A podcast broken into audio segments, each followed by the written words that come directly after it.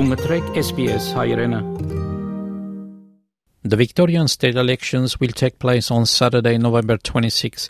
I'll discuss the elections with Dr. Zareh Ghazarian, senior lecturer in politics and international relations at Monash University. Dr. Zareh, welcome to SBS Armenian. Thanks so much for having me. What can you tell us about the upcoming elections and the two main rivals? This is the first election in Victoria since the start of the COVID pandemic. And this is the first election in Victoria since 2018 when the Labor Party won government with a very strong majority. The Labor Party won 55 out of the 88 seats in the lower house, and the coalition, the opposition, won just 27 seats in total.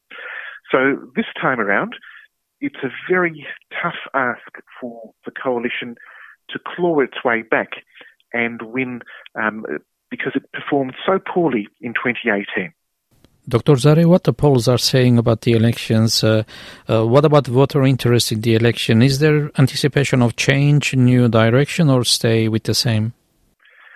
For the last few years, opinion polls have been showing that Labor has remained popular in the electorate, and Daniel Andrews has remained uh, as preferred Premier in the state. Even that through the COVID lockdowns, even through um, more recent times, the election campaign, Labor has been ahead, especially on that very important two party preferred vote. Um, the two party preferred vote takes into consideration all the preferences and gives us an indication of who will win the election. And at the moment, Labor has consistently been ahead by around about 53, 54% to the coalition's 46, suggesting that Labor is expected to win. And uh, what are the main key issues for this election? Uh, the party ads often mention the cost of living, housing, and transport. The election campaign has really been dominated by traditional state government responsible areas, including education, transport, healthcare, government services. These have all come in and have been very prominent uh, during the campaign. And both major parties have been talking about these issues throughout the last few weeks. So I expect voters to be looking at what the major parties have been talking about in these areas and then making up their minds. Uh, we're only days away from the elections, uh, but does the election day matter anymore since uh, I think a large part of voters has uh, opted for early voting? Victorians could vote from November 14, so there is two weeks before the election date for Victorians to have already voted. And the expectation is that a lot of Victorians will have voted before Saturday. This means that people would have already known who they would be voting for.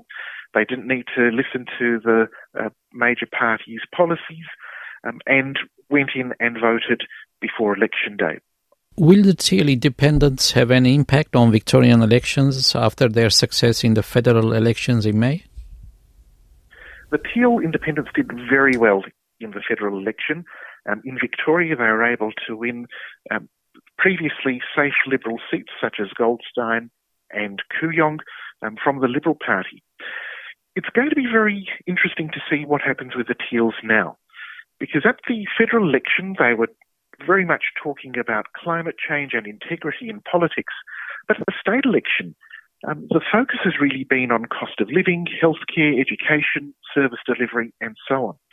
So it's going to be very interesting to see if there is still a lot of frustration against the uh, opposition, against the coalition, and if there is, whether people who are frustrated with the Liberal Party in particular will be voting for the Teals. Uh, they will be contesting seats in the inner urban areas, and so it's going to be very interesting to see on election night how they perform. Mm. And uh, besides the two major parties, do other smaller parties have a chance to make a difference? The Greens, Family First, and others? There are many minor parties contesting this election, including the Greens, including Family First. Um, they won't really be expected to win seats in the lower house, but where their power really will be is in terms of preferences. And so in close contests, in close electorates, where their preferences are directed may impact on who wins the seat. There is also, of course, the upper house election going on at the same time, and depending on how parties organise their preferences and the preference deals that they arrange, um, then these parties may find themselves in the upper house. But that takes a bit more time to count through, so we won't have a really clear sense of who has won until um, a few days after the election. Hmm. Dr. Zareh, the pre election period wasn't boring at all. From a Nationals dead candidate just days before the election, uh, the Victorian opposition leader was referred to the Corruption Commission, and uh, Premier Daniel Andrews is under investigation by Victoria's anti corruption agency. Uh, so, no boring politics in Victoria. Politics is never boring, of course, um, especially leading up to an election. And the death of, of the candidate will mean that there will be a new election that will be held after this election uh, for that seat.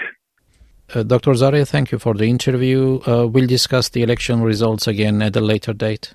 I look forward to that. Thanks for having me. Our guest was Dr. Zare Ghazarian, Senior Lecturer in Politics and International Relations at Monash University. Կուզես լսել նման բանություններ, կընտրե Apple Podcast-ի, Google Podcast-ի, Spotify-ի վրա, կամ որտեղեն որ podcast-ը կլսես։